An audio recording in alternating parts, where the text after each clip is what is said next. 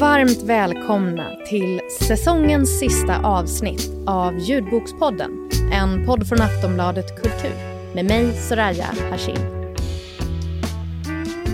I det här avsnittet blir det ungefär 25 000 procent Stefan Sauk. Ljudbokspodden har fått hälsa på honom under en inspelning av en ljudbok. Och dessutom har Bokcirkeln lyssnat på en bok av Stefan Sauk och Jan Markusson Boken heter Tala inför folk, så bemästrar du din scenskräck. Inläst av Stefan Sauk. Tänk att du står där på scenen och ska beskriva ett ämne. Lamporna lyser på dig och publiken tittar bara på dig. Oavsett om du är en människa som älskar uppmärksamhet eller en som inte vill dra blickar till dig så kommer det att synas här. Hela framträdandet avslöjar på något sätt vem du är och hur du ställer dig till andra människor, vilken roll du har i gruppen eller flocken. Välkommen till Ljudbokspodden.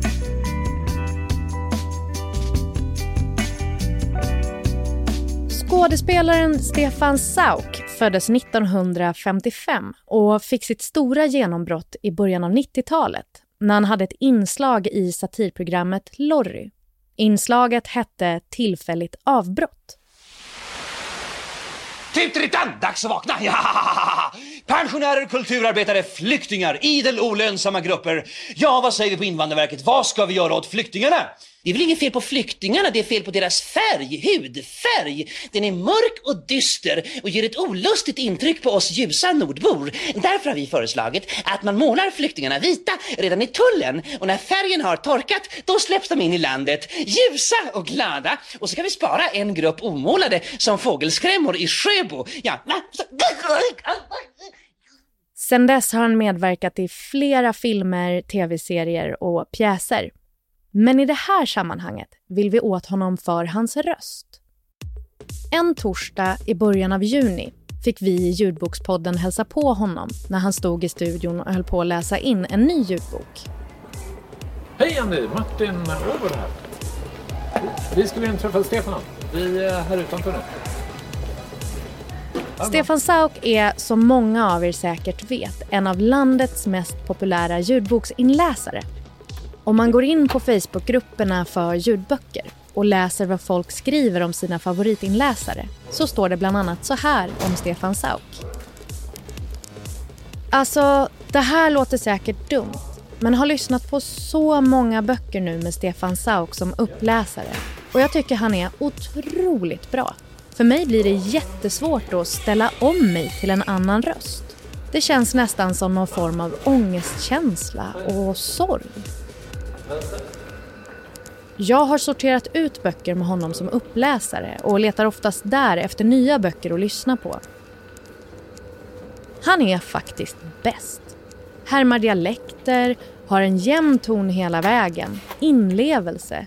Ja, perfekt helt enkelt.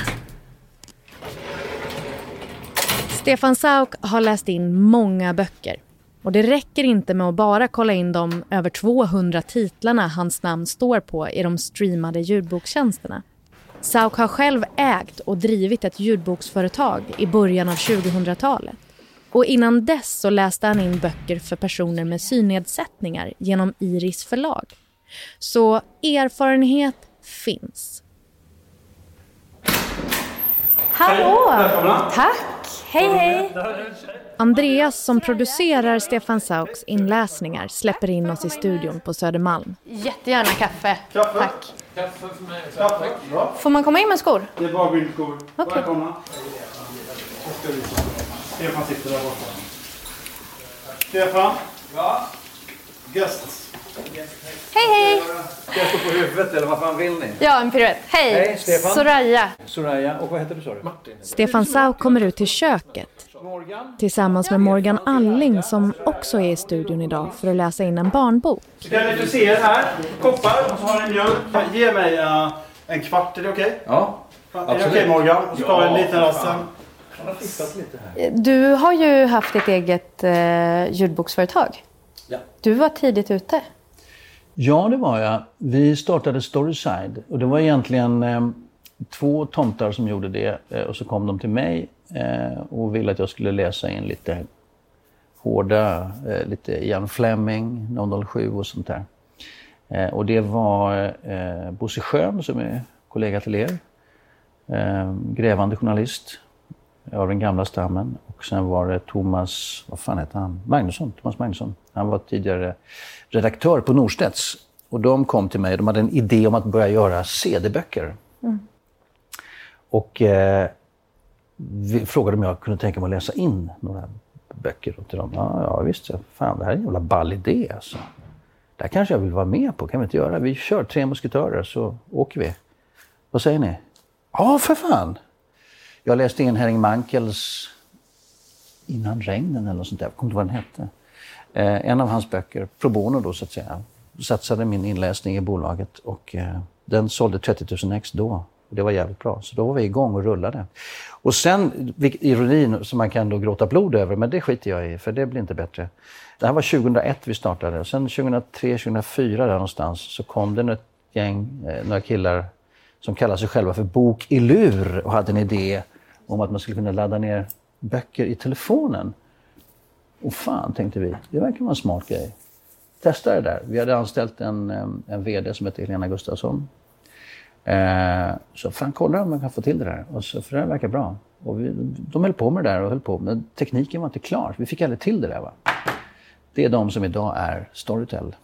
Så hade vi, hade vi kört vidare på det och och varit lite ihärdiga med dem, då hade jag varit delägare i Storytel idag. Känner du dig lite som Loket? Du vet det här med att han... Nej, det gör jag faktiskt inte, för han var, han var lite korkad. Jag kan inte säga att vi var korkade. Nej. Jag kan bara säga att vi var, vi, det, det rann lite grann ut i sanden därför att tekniken fanns inte där. Det fanns inget we had no option. Han hade ett val. Det eller det. Vill du ha royalty eller vill du ha... Nej. Du, jag ska ha eh, en summa, vet du. Det har, så har det alltid varit, vet du. Jag ska ha en summa, va? och den ska vara jävligt stor. Nej, men så, det var ju loket. Va? Vi var, det, vi höll på med var ju någonting helt annat. Det tog 6-7 år för, för förlagen att komma ikapp verkligheten. Och då var ju vår affärsidé obsolet så att säga. Då hade de kommit ikapp och sen hade författarna lärt sig att de skulle sälja tårtbitar av sina rättigheter. Filmrättighet, ljudbok, hardpaper, pocket. Författarna tjänade på det, vilket var bra. Eh, och vi fick lite så här, vad gör vi nu? Nu har vi liksom gått så här hela tiden, men nu planar det här uppe. Och vi kan hålla på här, men ska, ska vi inte vidare liksom? Och det var en, en tjej på kansliet som sa att, nej men vad fan, varför säljer ni inte? Hur kändes det då? Ja, det var rätt okej faktiskt. Det var helt okej.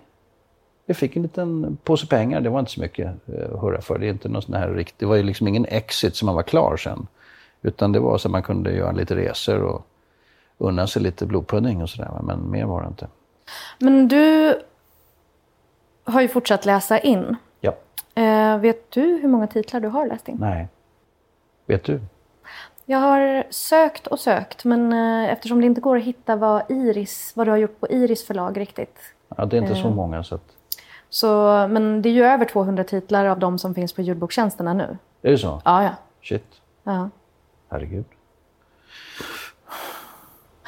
Don't mention. Det var ju för mig liksom en sidogrej så här, va, som jag tyckte var kul att göra. Mm. kom någon kul författare som man liksom, "Ja, det här är bra. Ja, men det här kan jag göra. Men jag vill inte hålla på med det hela tiden. Sen kom coronan och den här lilla sido, sidewindern här, den liksom bara... Som en stor jävla heffaklump. Så att, lucky me så satt jag ju hela förra året i min, dels min studio hemma och dels här uppe Mm. och läste. Så att eh, hundarna fick inte tillfälle att pinka på mig ännu. You know what I mean. Men du lyssnar inte själv på ljudböcker? Nej, Varför då? fan jag hinner inte. Däremot lyssnar jag väldigt mycket på do- dokumentärer. är de jag klarar av att lyssna på. Och det finns några som jag inte pallar. Jag stänger av direkt. Vad är det som gör att du stänger av då? Det är för att de, den som journalisten i fråga inte kan tala. De, de kan inte huvudord. Det, det, det, och det, det, det är Sveriges Radio. Jag menar både ettan och trean. Alltså det, men framförallt eh, P1.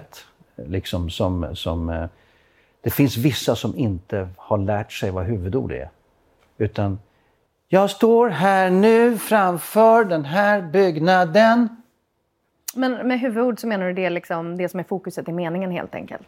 Du, är du bekant med, med ordet huvudord? Jag har inte hört det förut, men det låter... Du har inte hört det förut? Nej. Nej. Det är, väldigt, det är väldigt viktigt när man talar.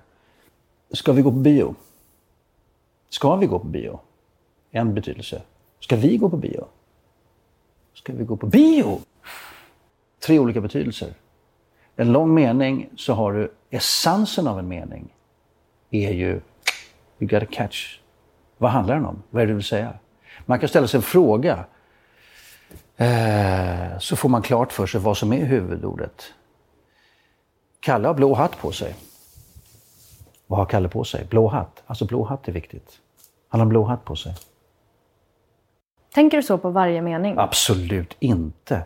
Det bara sitter i ryggraden på något Det sätt? sitter i märgen. På mig gör det. Det gör det. det gör det på alla människor som pratar normalt. Vad är det som gör då att vissa pratar på det andra sättet tror du? Har ingen aning. Jag tror att det är en brist på utbildning, jag tror att det är en brist på kravställning, jag tror att det är en brist på en jävla massa saker. Och sen tror jag också att det finns en en man märker en del journalister som pratar i radio att de f- liksom lägger på sig någonting för att verka på något sätt. De ska liksom, nu är jag journalisten som ska tala i radio. Och så börjar de. Och så märker man att Men vad tänker du då eh, när man då läser in ljudböcker? Vad, vilka kompetenser tänker du krävs för att man ska kunna göra det på ett bra sätt? Du måste ju behärska din röst på något sätt, annars lär du ju bli hes efter ett tag. Du måste, eh, och det, behöver, det, har, det har alla människor by nature också. Eh, skådespelare har ju det by nature, plus att de har lärt sig också. Du sa här tidigare att ni talar alla med magstöd här. Eh, alla danskar, alla danskar talar med magstöd i så fall. De ligger alltid ett hö, litet, ja ja, eller tyskar. Vi svenskar, vi har ju, det finns ett en, en kulturellt eh, hem, hemsko. Vi, vi talar gärna lite grann för vi vill inte sticka ut så mycket, så vi, vi, vi pratar lite försiktigt. Och man vill vara lite försiktig. Jag menar, jag studsade ju på arslet. Jag var i Köpenhamn eh, mellandagarna för ett gäng år sedan och eh, på natten skulle jag hem från en krog med, med ett kvinnligt sällskap. Och så går vi där så har vi en 7-Eleven-affär eh, där borta. Det låter som att det är världens slagsmål där inne. Och jag tänker shit alltså, här är vi lite utsatta. Eh, vad har hon på sig? Shit, hon har höga klackar. Hon kan inte springa så bra. Eh, ja, ja, vi får se hur det går. Så tittar man liksom. Då ser man, nej men det var fel, det var inget slagsmål. Det var ett gäng danskar som kände varandra, hade skittrevligt. Vad fan, inget slagsmål där inne? Ja, ja, för helvete, så fan, vadå? Du vet, vi, vi, vi svenskar är inte vana vid det. Vi på, i, från Göteborg är det, men annars så... Ja, du, vad fan är det frågan om? Du Ronny, jag ställer mig här på denna sidan gatan. Är du från Göteborg eller? Ja. Hörs inte. Nej, jag vet. Det hörs bara när jag blir full eller arg. Full eller arg? Okej. Vad är det för fel på dig nu då? Ska du liksom... Varken full eller arg. Fan, Men det vad tycker du själv? Du sa så här att det man behöver vara bra på är liksom någon slags kontroll över sin röst så att man inte blir trött. Är det Det någonting finns, mer? ja, det finns Förutom verkligen någonting mer. Det där är det enklaste. Det andra det är ju att du måste ha en läsförståelse. Du måste begripa vad du läser. Om jag förstår vad jag läser, Mm. då får du känslan. Då förmedlar jag författarens känsla. Om jag inte förstår vad jag läser, då läser jag orden. Och du som lyssnare förstår orden, men det blir en process att, aha, okej. Det är kanske så författaren menar, eller så eller si. Ah, ja, okej, nu fattar jag. Och sen finns det lite olika skolor. Eh, några tycker att man ska läsa, och det är oftast lite kulturbriffer, eh, som tycker att man ska läsa neutralt. Man ska inte färga alls. Jag tycker det är så jävla tråkigt så jag gör inte det. Jag liksom bara av självbevarelsedrift eh, lägger lite energi, lite känsla och lite engagemang i det jag läser. Och är det så att det finns utrymme för att göra en karaktär så färgar jag det lite grann, kanske åt något håll. Kan till och med bli en göteborgare. Hur långt vågar du gå i det då? Jag går skitlångt. Hur långt har du gått? Jag har gått väldigt långt till eh, en bok som heter Rapsbaggarna. Ja, s- stör jag i arbetet? Adenkrans föser ner hatten mot nacken och kliar sig i pannan. Nej, för tusan. Eh, Albert och jag, vi tittar bara över verktygen. Vi tänkte vi skulle se över huset innan vintern. Ja, ja, ja. Eh, så behöver ni trävirke eller annat material så är det bara att, ta för sig hemma vid godset. Eh, där blev vi över till att bygga fyra hus när vi reparerade ladorna. Ja, så var det. Han skrattade sitt bullriga skratt och även bröderna Andersson skrattade gott. Är det så nu då, liksom, i och med att du har läst in så många ljudböcker och är en auktoritet på det, att, att när författarna då får dig som inläsare så vet de lite grann vad de får, så att du kan ta de riskerna, du kan göra det? Jag tar absolut de riskerna. Ja. Jag gör precis som jag vill. Har det hänt någon gång att någon har kommit tillbaka och bara, Nej, bror nej. det här funkar inte? Nej. Ska vi testa att läsa in lite? Let's do it. Ja, vad kul! Ska jag ha med mig den här då? Stefan leder oss in i den lilla studion medan Morgan Alling passar på att ta en paus. Morgan har suttit på en ergonomisk kontorsstol, men den vill inte Stefan sitta på. Han vill ha en mer rejäl konferensstol. Du får nästan sätta in min stol Anders, så, så att jag blir liksom som jag brukar sitta. Här är också en skillnad. Kom för sig. Har du en egen stol? Ja, så här är det. De flesta läsarna sitter och myser så Ja, här. du fick inte den någon Lite bakåtlutat. De, de, de sitter och myser så här och läser. Medan men Men sen, du vill ha lite framåtlutad Ja, eller? Ja, jag är likadan. engagemang. Sauk ska läsa upp en bit ur en roman av den tyska författaren Sebastian Fitzek.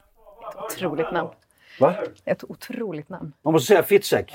Man får inte säga Fitzek. Huvudord. Fattar du nu? Ja! En, två, tre, fyra, fem. Han har ju ingen ljud i sin. Sen vill jag höra mig själv väldigt högt också. Då kan jag ligga mycket mer intimt med rösten. Och det ger mig utrymme till olika schatteringar. Finstämda schatteringar.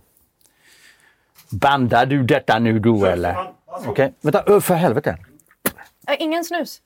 Jo, jag har det ibland, men, men det brukar skita sig. Doktorn, som han gärna kallade sig själv fastän han aldrig doktorerat, torkade sig med handryggen över pannan. Visserligen smetade det bara ut strålarna som träffat honom, vilket förmodligen såg ganska äckligt ut. Men åtminstone fick han inget mer av soppan i ögonen. Så som förra året. Efter behandlingen av de prostituerade då han i sex veckor varit rädd för att ha smittats av hiv, hepatit C eller någon annan skit. Han hatade när saker och ting inte gick som planerat, när narkosen var feldoserad eller när de utvalda i sista stund värjde sig och slet ut infarten ur armen. Finns det någonting som du önskar du skulle bli bättre på? När det kommer till att läsa in böcker. Uthållighet. Hur länge håller du på då? Två timmar. Med en paus här på soffan på tio minuter. Kvart kanske. Två timmar om dagen, eller? Ja, max. Vad händer sen? Ja, sen sker ju annat. Men vad händer med din ork? Ja, Det är tråkigt.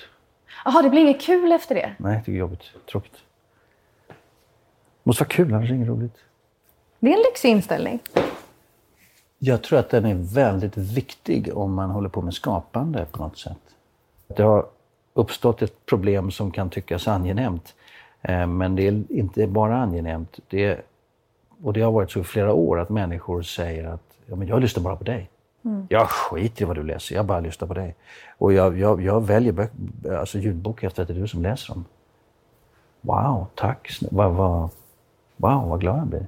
Nästa tanke, shit, fan jag måste börja tänka på vad jag läser. Jag kan inte läsa in vad skit som helst då. Tidigare har man läst in liksom, ja men jag tar den där, jag tar den där också. Ja men jag kan ta den. Nu är det så här, hmm, vad är det här för bok? Därför jag märkte att förlagen började kasta debutanter på mig. Eh, och där man upptäcker att, whoops, det här är inget bra. Och jag har till och med avbrutit en inläsning när jag tyckte de hade slarvat för mycket. Så jag tycker det är bättre. Nej, jag, Vad första- händer då? Ja, det har varit lite katastrof för dem, men jag sket i det. Jag tog det. Jag sa, det här går inte. Boken var inte tillräckligt bra. Nej. Eh, och då var den så jävla kass och slarvigt gjord också. Så att då sa jag nej. Och då hade du hunnit börja redan. Ja.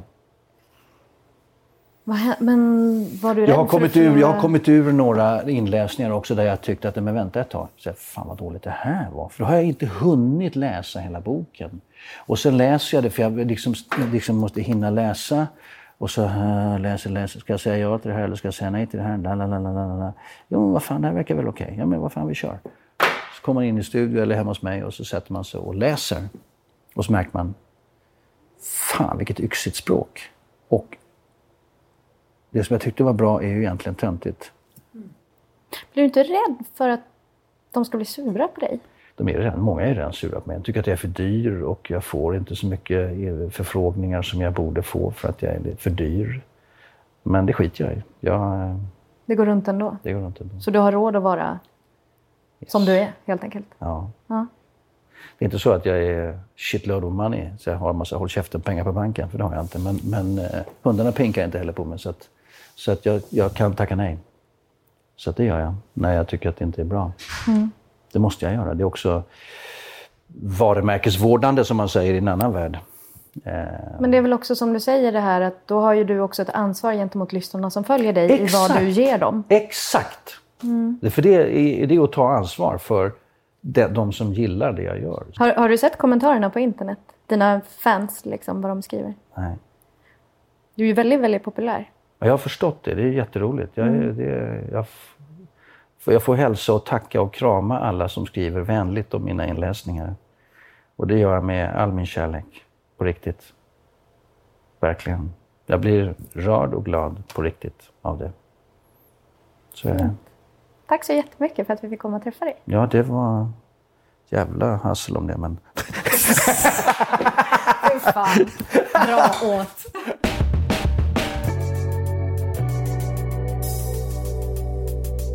Här i Ljudbokspodden har det blivit dags att bokcirkla. Veckans panel består av Aftonbladets breakingchef Hanna Olsson Berg och kulturredaktör Anna Andersson. Hallå! Hej! Hej! Hur mår ni? Bra, det är fint tack. Ja. Ni ser soliga ut. Ni har Ja, fått vi har båda färg. varit hemma i Norrland konstaterade vi nyss, alldeles i dagarna, så vi är glada. Mm. Vi är Ni, på, på olika delar av Norrland ska vi säga. ni ser ut Men- att ha ro i kroppen. Vad Mm. skönt. Veckans bok är Stefan Sauk och Jan Markussons bok Tala inför folk. Så bemästrar du din scenskräck. Inläst av Stefan Sauk. Vi ska lyssna lite om boken innan vi kör igång. Tala inför folk, så bemästrar du din scenskräck kom ut 2017 och är skriven av Stefan Sauk och Jan Markusson som är professor och hjärnforskare. Eftersom ni redan vet allt om Stefan Sauk så ska ni få veta lite mer om Jan Markusson. Han är överläkare vid minnesmottagningen på Universitetssjukhuset i Linköping och undervisar om hjärnans intellektuella och emotionella funktioner. Han har en psykoterapimottagning och är medförfattare till en bok om Alzheimers sjukdom. Boken Tala inför folk kom till efter att Sauk och Markusson lärt känna varandra på ett evenemang där de båda var inbjudna som just talare. Och de började samtala om rädslan att tala inför folk. Det här samtalet utvecklades så småningom till en bok där de försöker reda ut vad som händer i oss när vi talar inför andra, hur vi kan bli bättre och hur vi kan utvecklas kommunikationsmässigt genom att använda oss av biologiska fakta, egna erfarenheter och konkreta tips. Boken är tre timmar lång och inläst av Sauk själv. Vad har ni för relation till Stefan Sauk? Oj, vilken speciell fråga. Mm. Ehm, Men ja, där är den. Ja, men jag tycker ju i grund och botten att han är en sån klassisk svensk skådespelare som jag liksom ändå alltid blir upplivad av att se i offentligheten också. Han piggar alltid upp så här, Stjärnorna på slottet, man vet att det blir röj när Stefan Sauk kommer in. Mm. Eh, Han är en karaktär. Han är en karaktär. Och han är ju i grunden också en väldigt eh, begåvad skådespelare. Sen har han ju blivit lite mer än så med sin Facebook-sida. Mm, han Ja. har ju en YouTube-kanal som han kallar för Sauktube. Just det. Eh, där man kan se vad han tycker och tänker om munskydd, vaccinering, han eh, ja, tycker Mm. saker. Mm. Det där har jag mest noterat lite grann i ögonvrån, men jag är ju så gammal så jag kommer ihåg honom från Lorry. Jag vet inte om det var hans genombrott, men han Jo. gjorde de här tillfälligt avbrott. Precis. De kommer faktiskt jag ihåg. Och jag menar, han var ju väldigt agiterande då också, fast kanske från en annan flank än han är idag. Mm. Så att jag har inte stenkoll på var han befinner sig idag, Mm. men ändå. Men, Men han befinner sig kan man säga. Han befinner sig. Han är en internetagitator idag verkligen och har en jättestor fanbase och säger eh, mycket saker som folk håller med om tror jag. Mm. Det tror jag nog. Jag hittade ett klipp på när Jan Markusson och Stefan Sauk ska prata om den här boken när den lanserades eh, 2017. De är på Bokmässan och ska upp på en scen och det här klippet är det här är Stefan Sauk being Stefan Sauk. Eh, ja, vi lyssnar där. Jan Markusson och Stefan Sauk. Välkomna. Tack. Tackar. Eh, hör alla mig? Längst bak också. En, två, tre. Jambo, jambo bwana, habari gani, muzuri sana, oh, wageni wakaribishwa Kenya yetu, hakuna matata, Botswana yetu, hakuna matata. Vers två. Uh. Så. Oj, oj, oj. Var bara för att skapa lite, det är sånt bös här i den här hallen så att få lite, lite, lite koncentration här, lite uppmärksamhet. Eh, Hallå, titta på mig, jag är här nu, jag har kommit. Där kan man säga att han lägger ju ribban också när det ska handla om att prata offentligt. Ja, ja. Kolla, otroligt bekväm han är med sig själv. Ja, Stefan är i rummet. ja, målbild. Ja. Eftersom den här boken ändå handlar om att försöka hjälpa läsaren med ett specifikt problem, nämligen scenskräck eller ja, svårt att prata inför folk, så, så tänker jag att vi behöver prata lite om liksom era ingångar in i det ämnet. Var var ni innan ni började läsa den här boken? Har ni scenskräck eller tycker det är jobbigt att prata inför folk? Eh, nej, jag har inte scenskräck. Sen tycker, är jag ju inte superbekväm. Eh, det är jag inte. Men jag har, nej, jag har inte scenskräck. Jag pratar inför folk utan problem. Ja, jag är ju tvärtom någon form av eh, scendragning, scendrag höll på säga. Nej men jag, eh, jag älskar att stå på scen och jag älskar att hålla i möten och hålla tal och så här, man får stoppa mig från att hålla tal. Du håller ju möte här på Aftonbladet varje morgon. Ja, och jag är också en gammal eh, teaterapa liksom verkligen, som Mm. eh, gillar det och har gått i lite sån här eh, röstcoachning också. Jag vet inte om det hörs, men, eh, men jag har lärt mig såna här, såna här tricks som det också är gott om i boken, hur man ska liksom nå ut och så. Ja. Så jag är intresserad av ämnet. Ja, nej men det, det är ju jätteintressant. Jag, jag har nog pratat inför folk i, jag tror det är 20 år nu som jag har stått liksom på scen och Konstant. pladdrat. Konstant pladder från den här truten. Så jag har inte heller några problem med att stå på scen och därför kanske inte vi egentligen är målgruppen Nej. för den här boken. Men vi har i alla fall läst den. Tycker ni att Stefan och Jan lyckas med sitt mål att göra eh, möten och kommunikation mer effektiv och framgångsrik? Jag tycker det är så svårt att prata om den här boken för att det känns som att det är tio minuters material som de har dragit ut till tre timmar. Alltså det, kom, det är några bra tips i boken, absolut, jag kan nämna dem sen.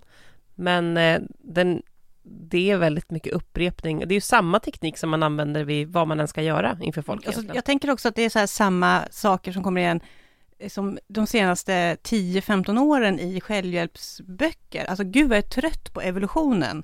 Det här pratar om så här, åh vi är fortfarande samma varelser som vi var på savannen, fly eller slåss. Alltså allt det där man bara snark, Ja, inte igen. Och även där självkänsla, självförtroende, vad är skillnaden? Man bara, åh herregud, det är någon som inte vet det vid det här laget. Men det kanske det är. Men Ja. det är ju väldigt mycket, liksom, man har hört det förr. Är man det minsta intresserad av det här så har man hört det mesta förr. Sen håller jag med om att det finns absolut konkreta tips. Och jag tänkte på att, jag, som jag sa tidigare, jag är inte en person med scenskräck. Samtidigt, så här, om jag ska hålla ett tal, vilket jag gör ibland, så, här, så är jag ju ändå jag får ju hjärtklappning och blir jättenervös Mm. precis innan och så tänker jag så här, jag, jag kanske inte alls är bra på det här. Mm.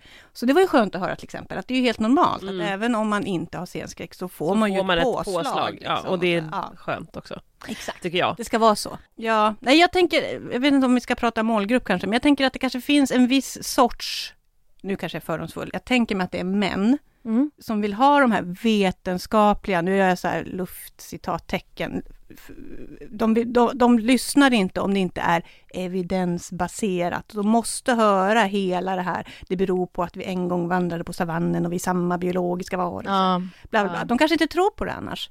Jag vill ju bara ha tipsen. Mm. Jag behöver inte veta att det beror på att jag en gång vandrade på savannen. Nej, jag förstår. Att du har en människokropp, det är du medveten om Ja, ändå. exakt. Mm. Och att den är sprungen ur evolutionen. Vi fattar det. Ja. Ja. Eh, Den här boken är ju full av små anekdoter om personer med olika kommunikationsproblem eller tala inför folkproblem. Och upplägget är ganska mycket att Sauk berättar om någon eh, som har ett problem och sen så kommer han med tips om hur den här personen ska tänka för att ta sig ur det. Anna, du har ju med dig ett eh, exempel på en sån här anekdot. Ja. Jonas, den framgångsrike småföretagaren. Jonas är nyligen fyllda 40 och en hårt arbetande småföretagare. Sedan 20-årsåldern har han drivit små butiker och har nu mycket god ekonomi. Han har en 15 år yngre flickvän men inga barn. Han är inte helt i form fysiskt, har dålig kondition och är klart överviktig. Många gånger har han reflekterat över sitt, som han tycker, bristfälliga yttre och att hans betydligt yngre flickvän ändå verkar dras till honom.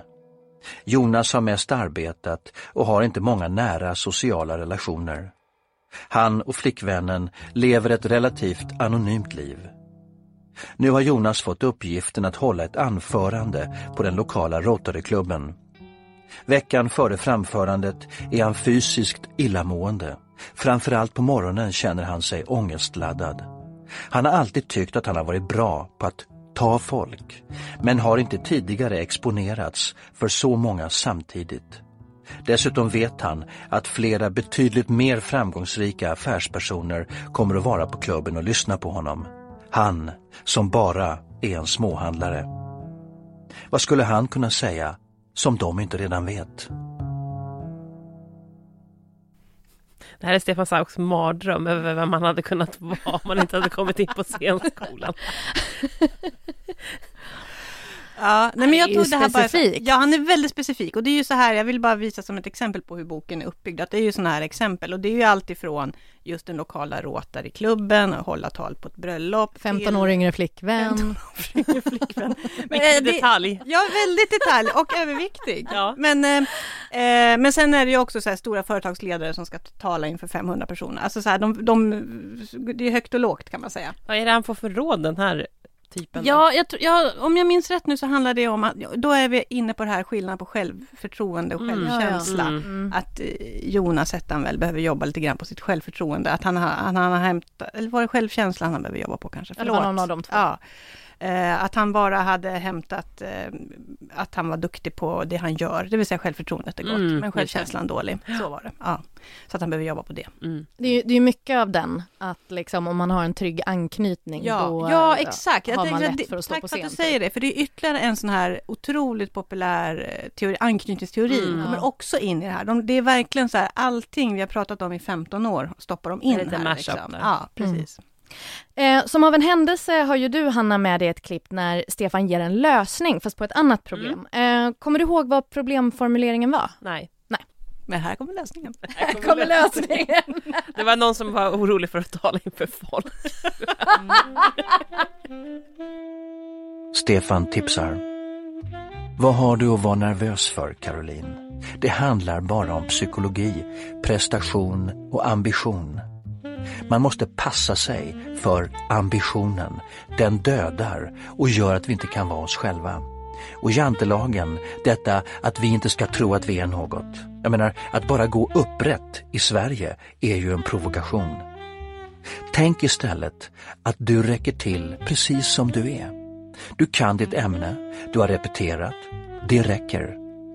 Det är först när du struntar i duktigheten som det blir bra.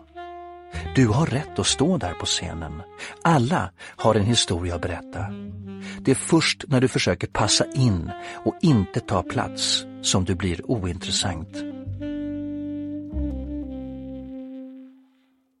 Alla har en historia att berätta. Mm, där fick vi den också. Mm. Jag kommer ihåg problemet. Det här var den unga studenten Caroline som hade vuxit upp i en fjällby och inte hade så många sociala kontakter, men som var väldigt duktig i skolan och som nu skulle bli psykolog och skulle då hålla föredrag på sin utbildning inför de Ja. mycket äldre student, studentkompisarna. Och Så då ska hon inte försöka vara så duktig. Nej, Mycket... Och det är ett jättekonstigt råd.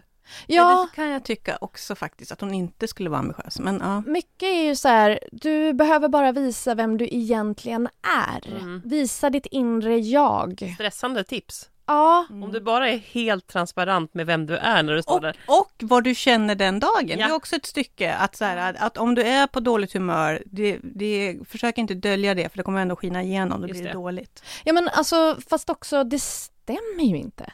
Eller jag bara tänker alla jätteframgångsrika föreläsare som står på en scen. Inte tror jag att de är liksom sitt jag när de står Nej, det där. är en roll. Ja, Och det pratar han ju också om att, man måste, att det är som att förbereda sig för en roll. Å andra sidan. Den, den gamla fake it till you make it. ja Den men är Det blir inte den längre. det är Ja. ju verkligen det bästa tipset Det i är livet jätteobehagligt om överlag. någon står och ska föreläsa för en och är liksom 100% sig själv. Ja. Alltså det hade jag blivit otroligt Nej men jag var ganska av. dålig i magen i morse och jag ber om ursäkt. Grälade här. och- Du ser för jävlig ut där på första raden. Dra en kam genom håret. Det roliga är att man kan faktiskt tänka sig just Stefan Sauk vara så. Ja, men för honom funkar ju det här Ja, att vara liksom anti-Jante och han har, alltså han I det här man landet förstår är det inte att han är så unik. Alltså han är ju så fullkomligt unik. Men det är ju otroligt, det är svårt att göra om det här till allmängiltiga råd när man är en sån otroligt säker person som han åtminstone då ger sken av att vara. Mm. Men jag, jag kan tänka mig att han ändå är en person som många, igen jag generaliserar, men ser upp till Mm. och vill vara. Så att jag tror att han är inte, han är ju ingen dålig person att ge de här råden. Sen Nej. som sagt vad kan man ju fundera på Går det att översätta det till går. en vanlig Men liksom, person? jag, jag kan tänka, han är ju en auktoritet. Mm. På många sätt, både som skådespelare naturligtvis, han har ju en stor scenvana, men även i sin person. Visst. Men, men jag får inte riktigt känslan av att ni köper vad de säljer i den här boken. Eller gör ni det? Jo, jag gör det. Alltså, så här, det är inga dåliga råd. Jag, det är bara sådär, eh, man hade kunnat ta bort ganska mycket som jag varit inne på och vara mer konkret. Men då kanske det är svårt att få ihop en hel bok helt enkelt. Ja, och jag hade velat vara mycket mer detaljerad kring vad Stefan Sauk har gjort för att bli Stefan Sauk. Det är det jag blir intresserad av. Hur kan man... Du vill ha en självbiografi ja, men, egentligen? ja, eller så här omkokad till typ så här. Han måste ju själv ha jobbat med de här grejerna, förmodligen. Anknytning, eh, koppla loss sig själv från sitt, sin bakgrund, eh, jobbat med dåligt självförtroende. Alltså han har säkert gått igenom allt det där, men det berättar han ju inte så mycket om egentligen. Ja, men det hade varit kul om han hade varit lite mer personlig i de där råden, för nu blir det ju väldigt mycket så här klichéstaplande som ni kanske märker. Va- Vilka råd tyckte ni var bra då? Jag tyckte eh, tala dubbelt så högt Och dubbelt så hälften långsamt. så snabbt. Ja. Och eh, att man ska vara mjuk i knäna. Exakt vad jag skulle säga. Det var bra. Det tog jag till mig på en gång. Att Mm. om man bara börjar gunga lite grann i knäna så kopplar, eller så slappnar kroppen av och då, redan där så får man liksom, så det, det tog jag genast till mig. Bra knep. Stå, stå lite bredbent, gunga lite i knäna, så blir Mm. man lugn. Du då? Nej, men nej, det var också faktiskt de två råden. Ja, men det var ju jättebra. Ja, väldigt konkret. Mjuk i knäna. Hur tycker ni att Stefans inläsning är? Han är ju en oerhört populär eh, ljudboksinläsare, en, verkligen mångas favorit. Ja, jag har ju inte hört honom läsa någon skönlitteratur, för jag kan tänka mig att det måste ju vara någonting helt annat. Mm. Men det här är väl, han läser ju med auktoritet. Får man säga. Eftertryck. Ja, Mycket, liksom varje mening Precis. hamras in Mm. på något sätt. Det är bra tycker jag. ja, inga invändningar. Vad känner ni för självhjälpsgenren som ljudbok generellt? För jag tänker, vi tre satt ju också och pratade, när vi pratade om faktaböcker, Elin, Elin Anna Labbas Herrarna satte oss hit, som ju var en helt annan typ av faktabok. Det här är ju lite mer självhjälp, lite mjukare, lite enklare kanske. Jag saknade en text här bara för att enklare se hur boken var upplagd och uppbyggd. För det är ju liksom exempel och sen så kommer den ena författarens tips, den andra författarens tips och så är det löptext däremellan. Så jag Och hade, allt i samma röst. Ja, och jag hade bara blivit, jag hade velat ha texten. Hade det texter. förenklat om Jan Markusson själv var med och läste in också, att de körde lite varannan? Nej, jag tycker, nej, åh, nej, det kanske blir rörigt, jag vet inte. Okej, ja. Ja. Nej, Jag tyckte det var lite svårt att följa med i bokens upplägg helt enkelt. Mm, det är väl det som är svårt med, fa- med faktaböcker. Ja. Men jag har aldrig känt mig så mycket som en mellanchef som när jag gick och lyssnade på det här. Alltså det var detta utskällda begrepp, men jag är faktiskt mellanchef. Så Jag, jag kan tala från mitt perspektiv. Men att man känner sig väldigt mycket som att man går och har en affirmation liksom och så här, ah, jag måste, nu ska jag göra mina meditationsövningar och sen ska jag lyssna på mina affirmationer från Stefan Sauk och sen kan jag hålla i morgonmötet liksom. Hanna, du behöver bara vara dig själv. Ja, ja okej, jag ska släppa på allt det där. Så. Och så är det mjuk i knäna. Och så är jag mjuk i knäna. Så, mm, mm. Ja, nej, men, och det är ingen dålig känsla. Tack så jättemycket Hanna och Anna för att ni var med. Tack själv.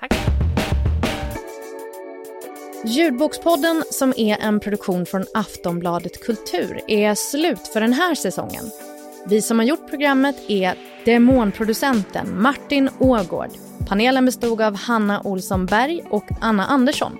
Jag heter Soraya Hashim. Ta hand om er. Vi hörs. Det var det hela.